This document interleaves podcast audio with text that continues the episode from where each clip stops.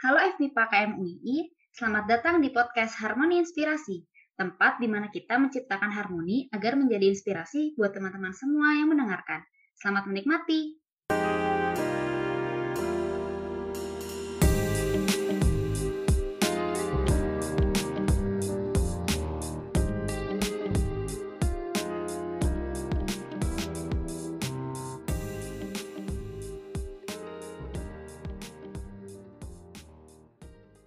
Assalamualaikum warahmatullahi wabarakatuh.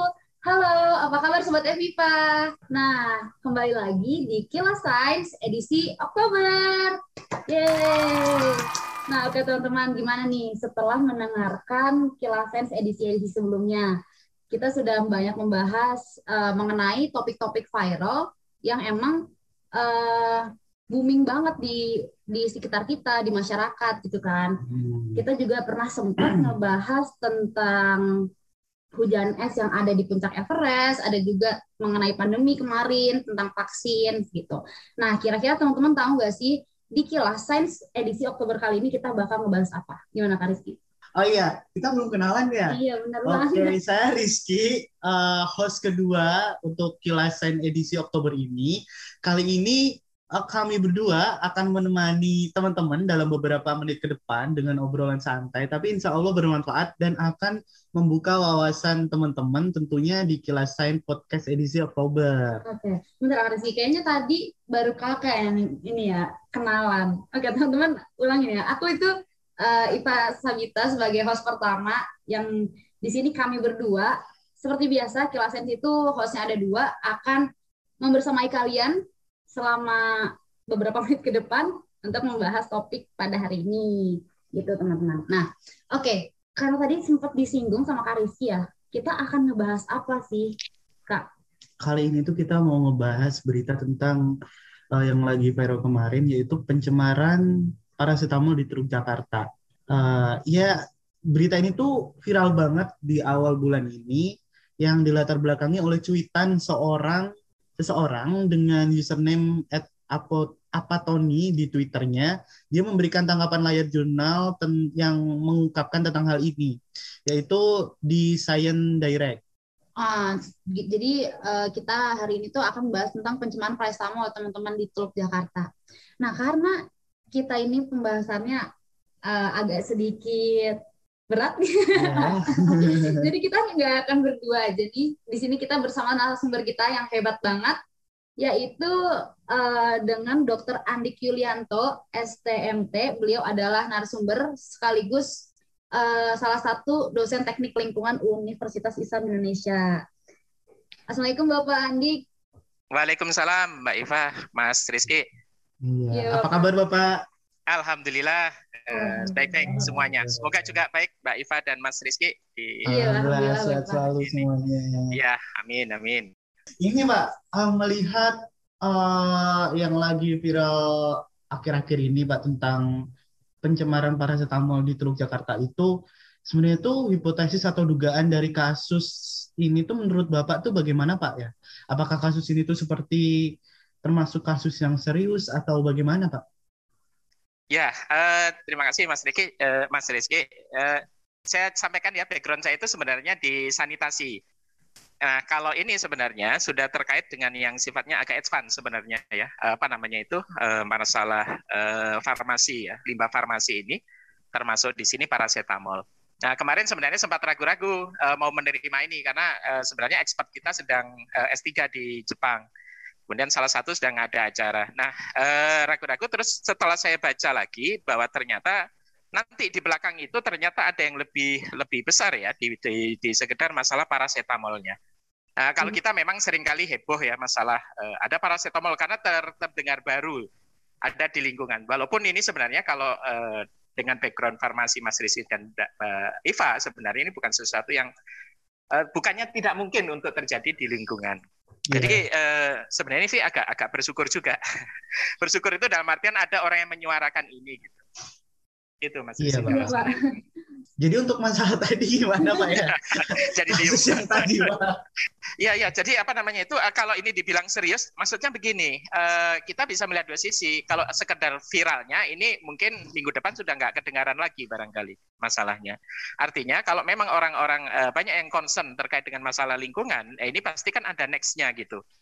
Ya, kalau dilihat kadarnya juga barangkali kadar kecil kan itu cuma di nanogram gitu. Sementara di baku mutu kita kebanyakan di miligram gitu. Artinya ya kecil sekali lah, hampir e, 10 pangkat e, 6 ya di bawah mikro e, di bawah mikro e, miligram gitu. Nah ini artinya e, orang bisa saja tidak menseriusi. Artinya kecil aja kan ya, nggak nggak banyak efeknya. Toh juga nggak banyak yang mati karena itu misalnya. Ah, nanti barangkali akan kita kita uraikan lebih lanjut lah. Kalau menurut saya sih, bagi saya ini satu indikator bahwa ada sesuatu yang salah. Jadi kita nggak jangan melihat paracetamolnya. Kalau sekedar di paracetamol, apalagi DLH sekarang sedang uh, meneliti misalnya saja, nanti begitu keluar tidak terdeteksi ya, ya sudah selesai masalah. Sebenarnya bukan itu masalahnya. Ah gitu. Kalau saya seperti itu sih Mas Rizky. Ini ini indikator awal ini sebenarnya masih masih dugaan awal banget gitu pak ya untuk sebuah uh, masalah yang viral ini pak ya? Uh, sebenarnya sih gini, uh, apa namanya? Kita kan bisa mengidentifikasikan mengidentifikasikan sesuatu itu berdasarkan pada indikator-indikator gitu. Misalnya uh, kalau kemudian di jalan kita lihat ada jejak uh, misalnya kucing misalnya, kita akan menduga oh ada kucing lewat di situ. Begitu kemudian kita melihat jejak paracetamol, maka kita bisa menduga unsur-unsur farmasi yang lain kemungkinan juga ada di situ. Sama sebenarnya kalau kita ke baku mutu air limbah, di situ cuma ada uh, Escherichia coli misalnya saja untuk bakteriologis. Tapi begitu ada E. coli di air itu, kemungkinan di situ juga ada salmonella, kemudian di situ kemungkinan ada uh, apa namanya eh, bakteri-bakteri yang lain, bahkan justru juga virus yang ada di situ. Jadi indikator ini sebenarnya sebagai alarm gitu bahwa ada ada ada sesuatu yang ini loh, ada yang besar loh di balik itu. Sebenarnya gitu. Kalau saya melihatnya seperti itu. Tapi kalau sebagai paracetamol titik, ya kita nggak akan ke mana-mana. Apalagi nanti ada counter penelitian, oh nggak ada ternyata ya sudah selesai. Kita lupa lagi masalah itu. Nah, seperti itu kira-kira Mas Rizky. Oh, baik, ya, baik Bapak. Uh, Pak sebenarnya kita kan sekarang lagi ada di atmosfer-atmosfer COVID-19 ya Pak ya. Uh, yes. Sebenarnya tuh ada nggak sih kemungkinan kaitannya tuh antara COVID-19 dan uh, pencemaran kasus kali ini gitu? Dengan nah. terdeteksinya konsentrasi tinggi paracetamol kan kayak, aduh aku pusing nih langsung minum paracetamol, minum paracetamol gitu kan. Aduh takut terdeteksi COVID langsung minum paracetamol gitu kan Pak ya. Ya, sebenarnya bukan COVID sih. Biasanya praktikum sama tugas itu yang bikin pusing. Banget. Kalau COVID kan hanya hanya terus kemudian karantina saja. Uh, begini, ini kemudian jadi misleading kalau di logika itu setelah ini akan ini gitu. Jadi karena habis COVID terus muncul apa namanya itu uh, jurnal ini terus uh, dianggap bahwa ini karena COVID gitu. Nah ini yang jadi misleading menurut saya. Uh, jurnal ini memang terbit. Oh ya se sebagai awal bahwa Science Direct itu bukan jurnalnya, tapi dia providernya. Jadi jurnalnya adalah Marine Pollution Bulletin di bulan Agustus tahun 2021.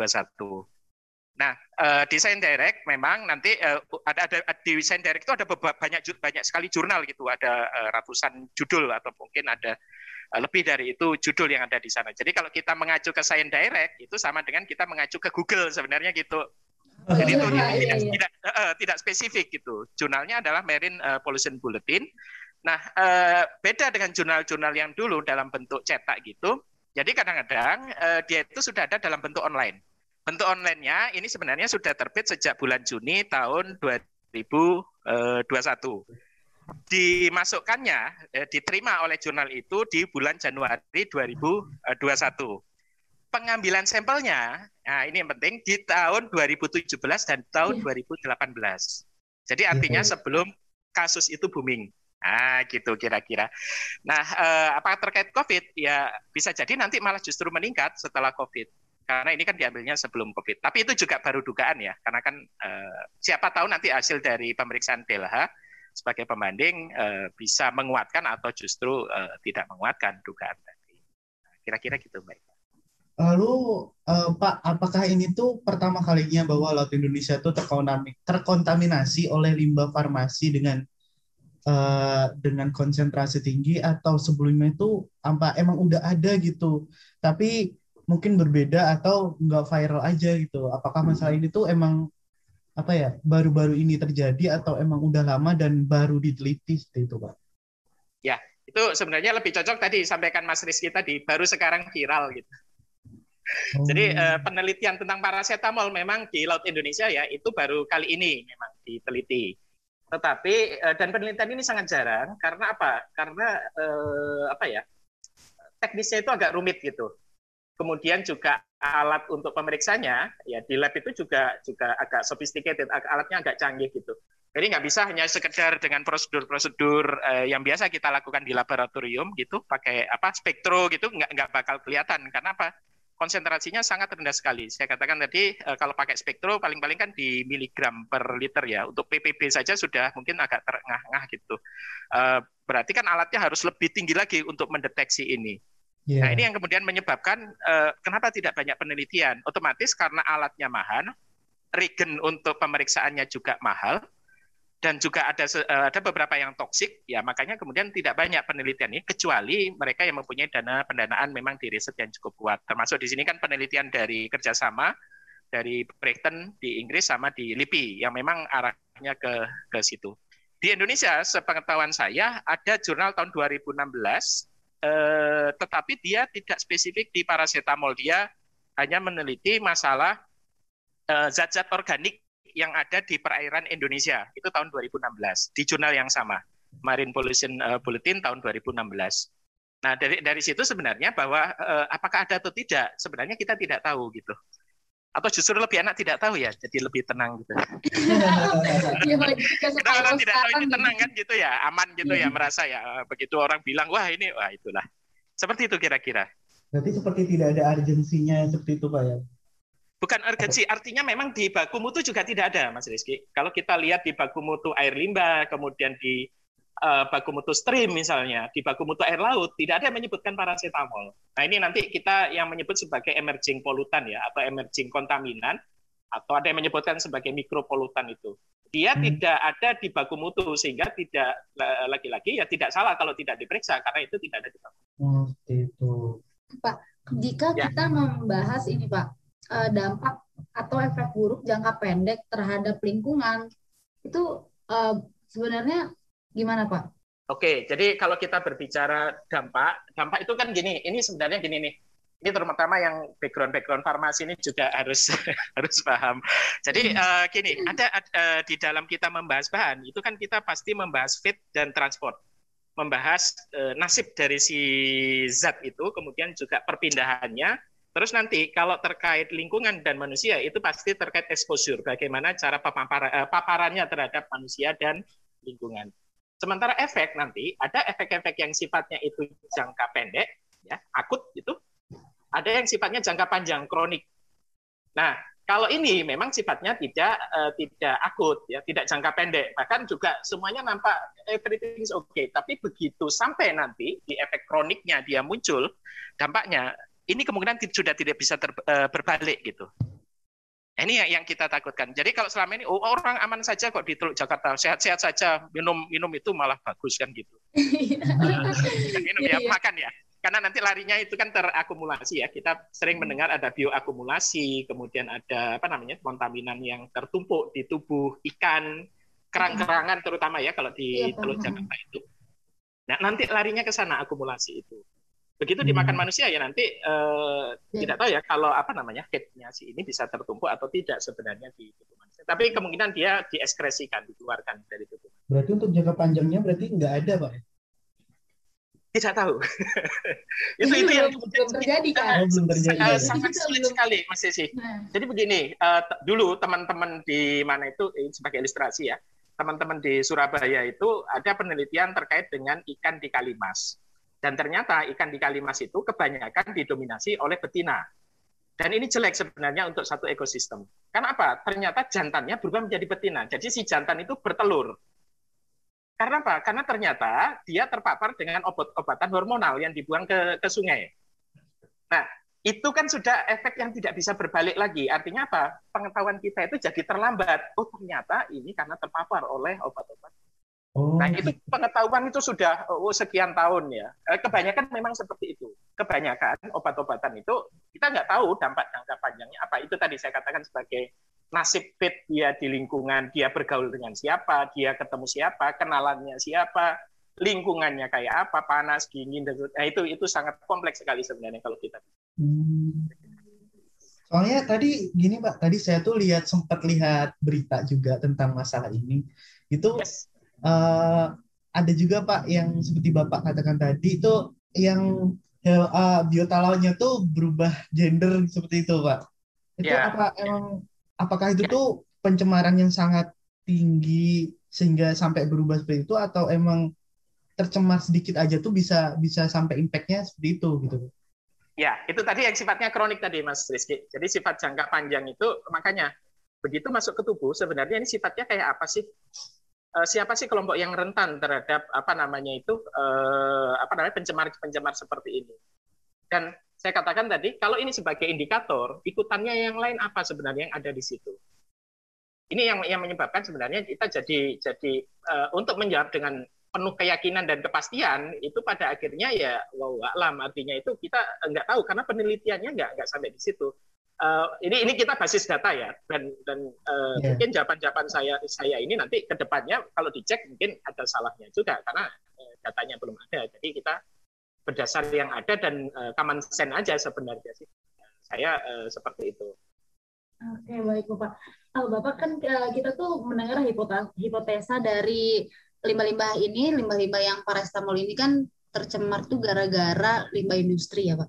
Apakah tuh sebenar, sebenarnya sebelum limbah-limbah tersebut dibuang ke lingkungan gitu, uh, ada nggak sih beberapa tahapan yang memastikan bahwa uh, limbah tersebut tuh aman untuk dibuang? Yes, ini ini sebenarnya paling paling paling asik dan paling mudah sih bahwa terjadi pencemaran karena ini karena industri gitu, gampang solusinya. Yeah.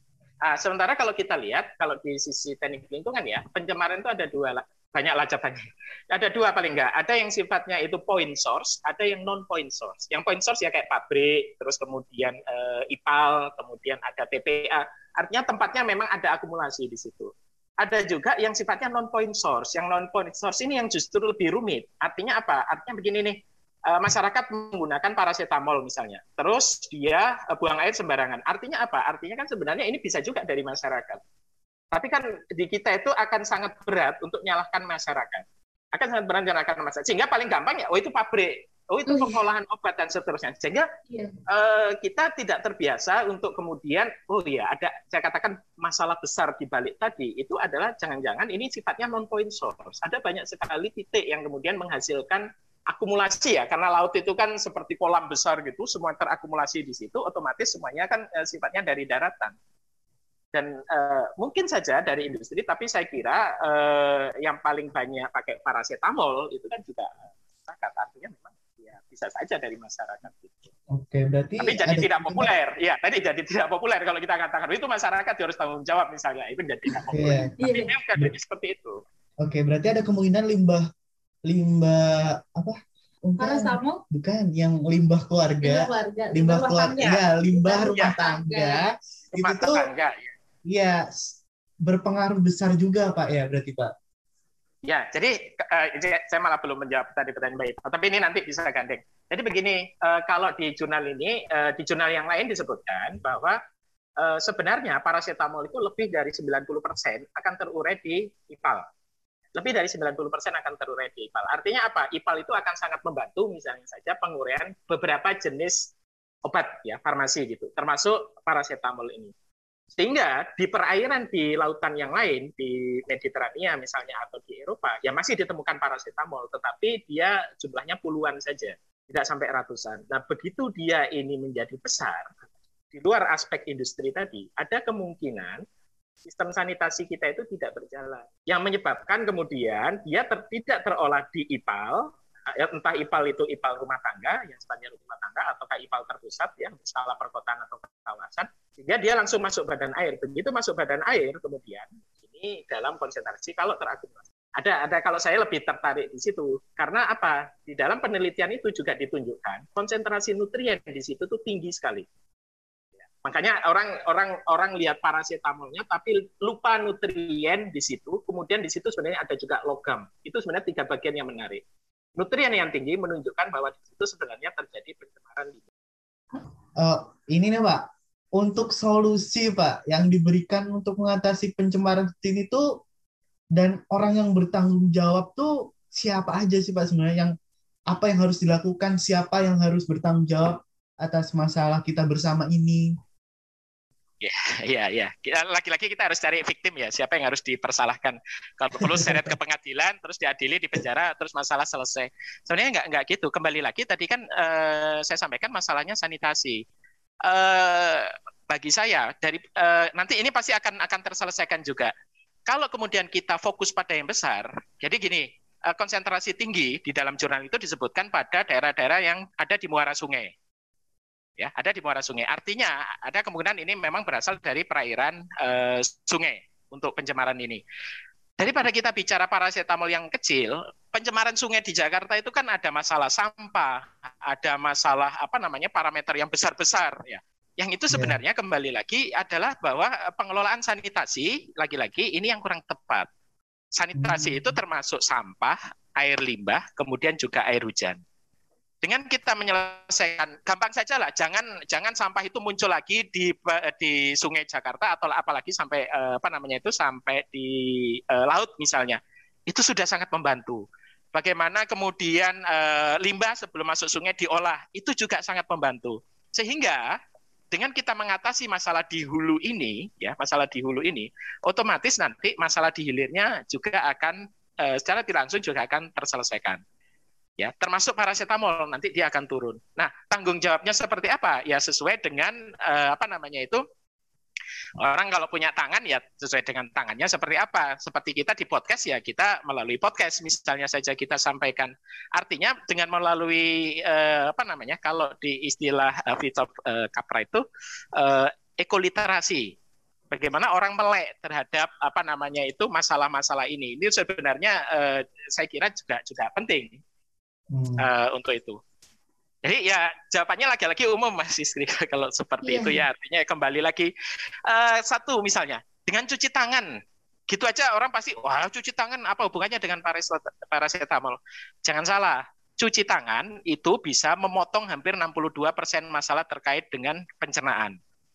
Nah, kalau kondisi badan kurang bagus, misalnya dia sampai meriang gara-gara apa namanya dia pegang sesuatu nggak cuci tangan, larinya ke mana? Ke obat. Padahal itu kan hmm. masalah habit sederhana, masalah cuci tangan. Sekarang kan sudah mulai luntur itu cuci tangan tuh gara-gara kondisi sudah mulai normal kembali. Nah itu kalau dibilang solusinya cuci tangan, lagi-lagi nggak akan populer. Oh, cuci tangan kayak gitu, masa hubungannya dengan paracetamol? Kita bicara rantai ini ya, rantai ini panjang sekali sebenarnya. Hmm. Kalau nggak kita potong dari awal, ya ini ya akan akan lebih sulit bagi kita menghilangkan paracetamol yang memang sudah ada di Teluk Jakarta daripada kemudian kita memperbaiki habit dan seterusnya yang ada di hulu termasuk sanitasi. Nah, kira-kira seperti itu.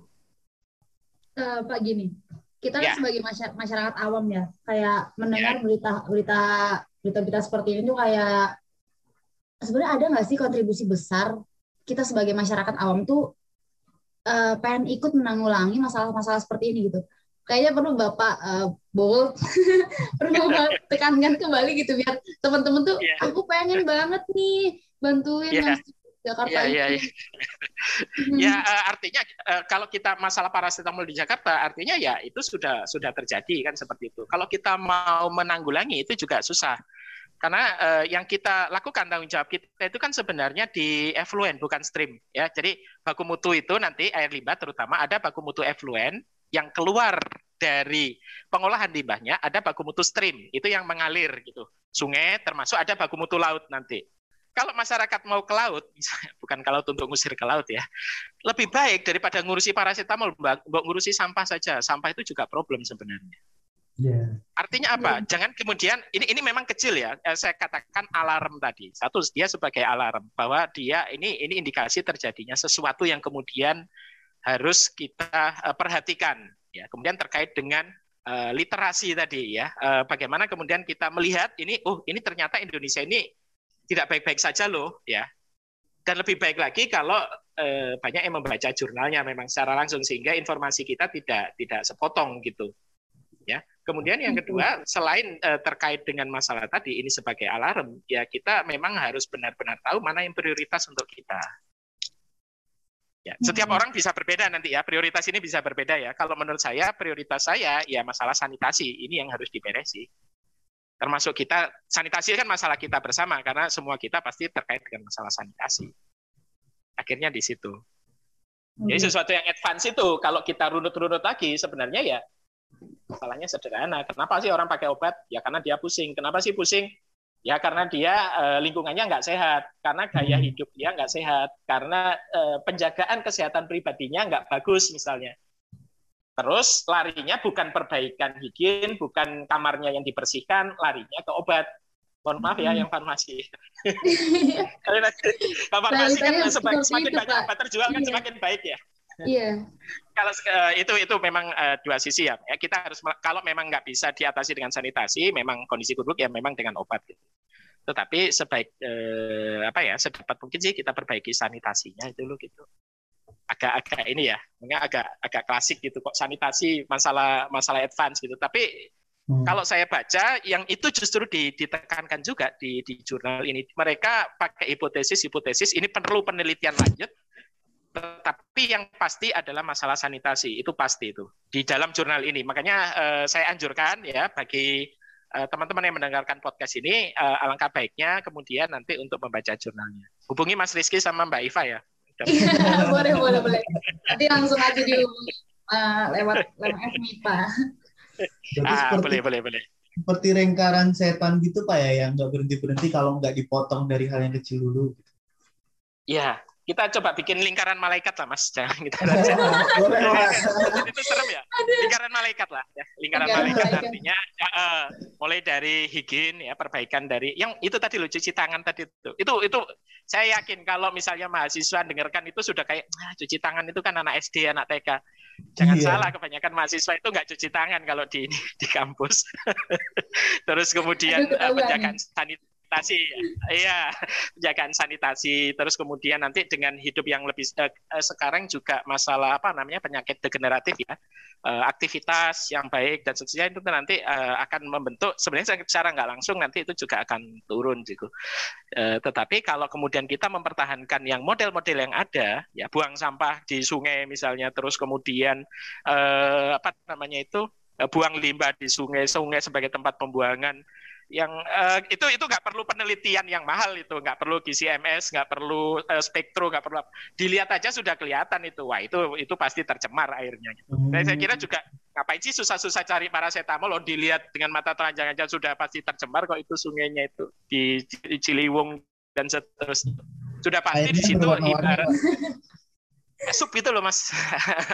Tapi sup limbah ya sup sup, sup tapi sup limbah gitu. Ada warna merah ada warna kuning ada warna hijau ada coklat dan nyampur jadi satu jadi sup namanya sup limbah ciliwung nah itu.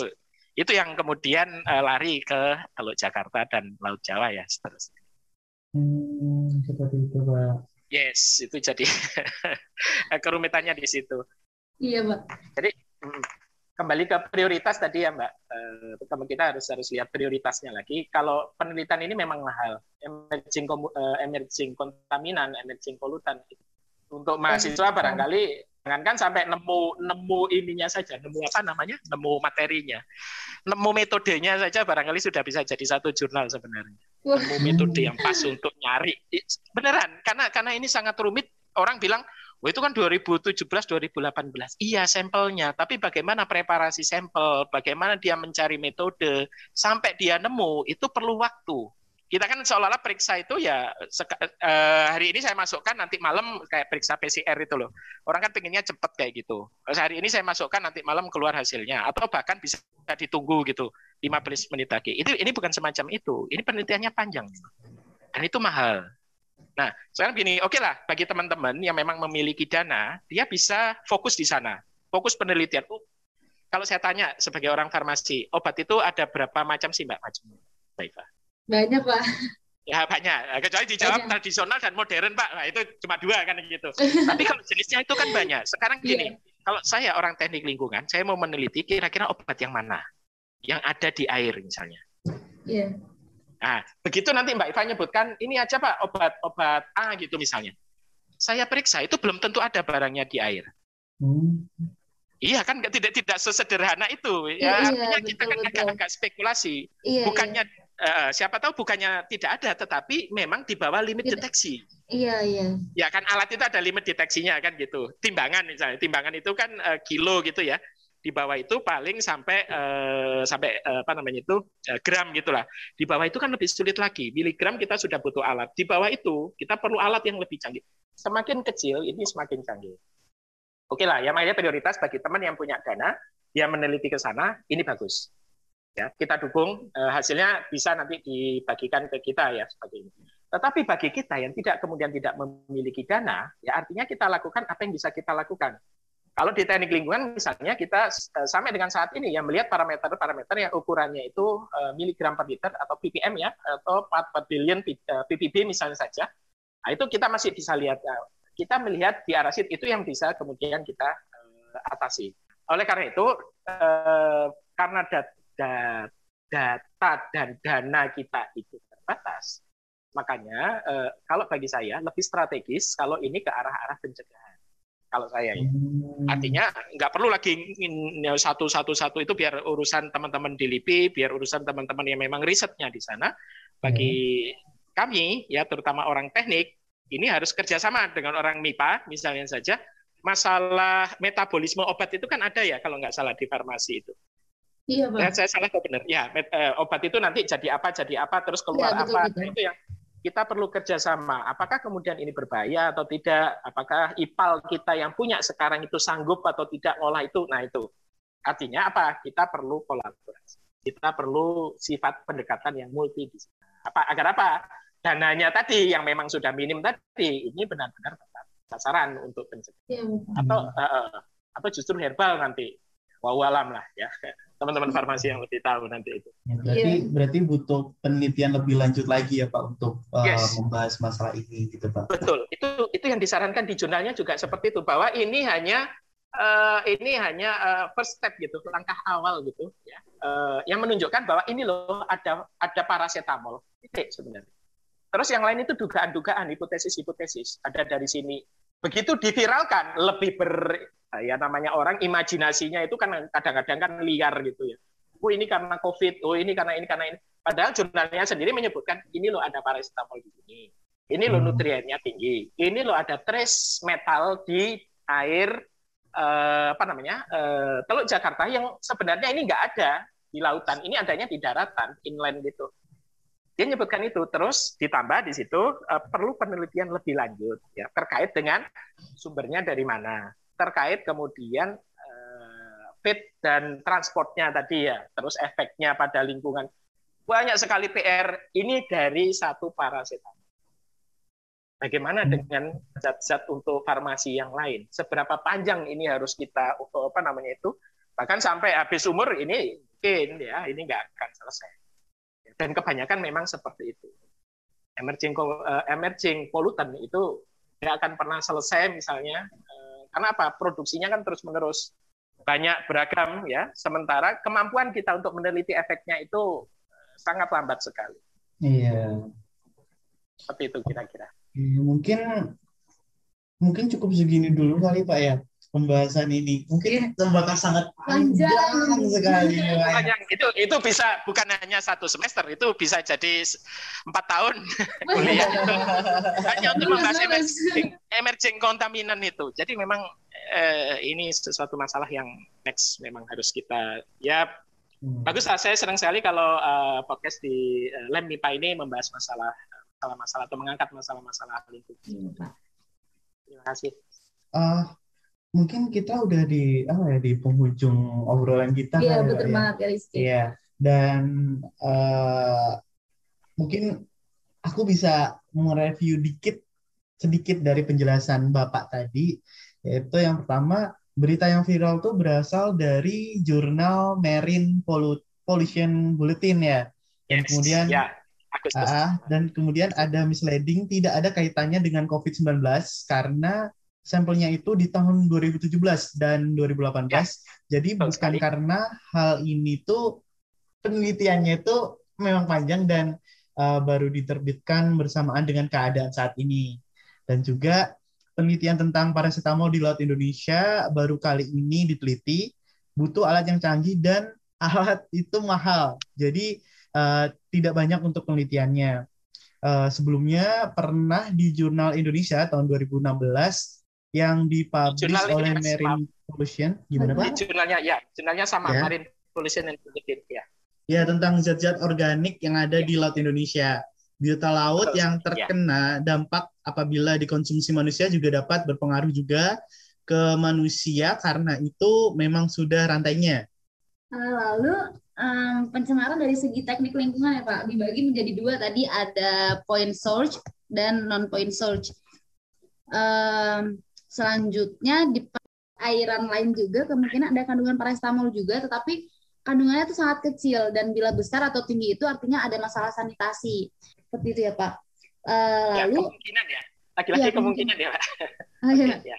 Uh, lalu untuk menangani masalah ini kita harus selesaikan dulu masalah di hulu, maka nanti masalah di hilirnya itu juga pasti akan terselesaikan. Nah, untuk menanggulangi yang tadi kita sudah bahas untuk sebagai bagaimana sih masyarakat awam tuh ingin ikut menanggulangi juga itu sulit karena kan hal-hal seperti itu sudah terjadi gitu. Dan yang perlu digarisbawahi ya teman-teman semua yang mendengarkan bahwa uh, yang bisa kita lakukan sekarang adalah sanitasi gitu. Sanitasi juga uh, penting gitu ya teman-teman. Lalu bagi teman-teman yang punya dana nih ya, kemungkinan teman-teman yang mendengar mendengarkan podcast ini punya dana besar, nah tergerak hatinya, tergerak hatinya dan uh, mungkin ada ketertarikan juga buat meneliti lebih jauh mengenai jurnal dan uh, concern seperti ini, itu memungkinkan banget buat diteliti seperti itu ya Pak ya. Ya. Oke. Nah, karena kita sudah di penghujung uh, obrolan kita ya, teman-teman semua dan Bapak Andik. Terima kasih juga teman-teman yang sudah mendengarkan sejauh ini. Semoga uh, bermanfaat. Uh, tadi penjelasan-penjelasan yang sudah Pak Andik jelaskan kepada kita semua gitu. Terima kasih sekali. Terima kasih kepada Pak Andik telah meluangkan waktunya untuk sejenak berbincang-bincang dengan kami ya Pak. Sama-sama. Terima kasih teman-teman. Terima kasih ya. juga sudah di Iya Pak. Oke, terima kasih teman-teman. Semoga informasinya jelas dan dapat dipahami dengan baik dan membuka pikiran kritis teman-teman tentang masalah kita bersama ini. Ya, benar banget Kak. Semoga informasi-informasi yang tadi disampaikan banyak sekali itu bermanfaat dan benar membuka wawasan-wawasan kita. Oh ya teman-teman, karena uh, ini sudah di penghujung, kita nggak pernah lupa di kelas sains di podcast kelas sains ini untuk mengingatkan teman-teman semua tetap jalankan protokol kesehatannya, tetap jalankan protokol 5M-nya. Iya, benar banget. Yang, Yang pertama, pertama ada memakai masker, mencuci tangan, menjaga jarak, menjauhi kerumunan, dan membatasi mobilitas. Terima kasih yang sudah mendengarkan. Sampai jumpa di kelas sains podcast selanjutnya. Dadah. Assalamualaikum warahmatullahi wabarakatuh.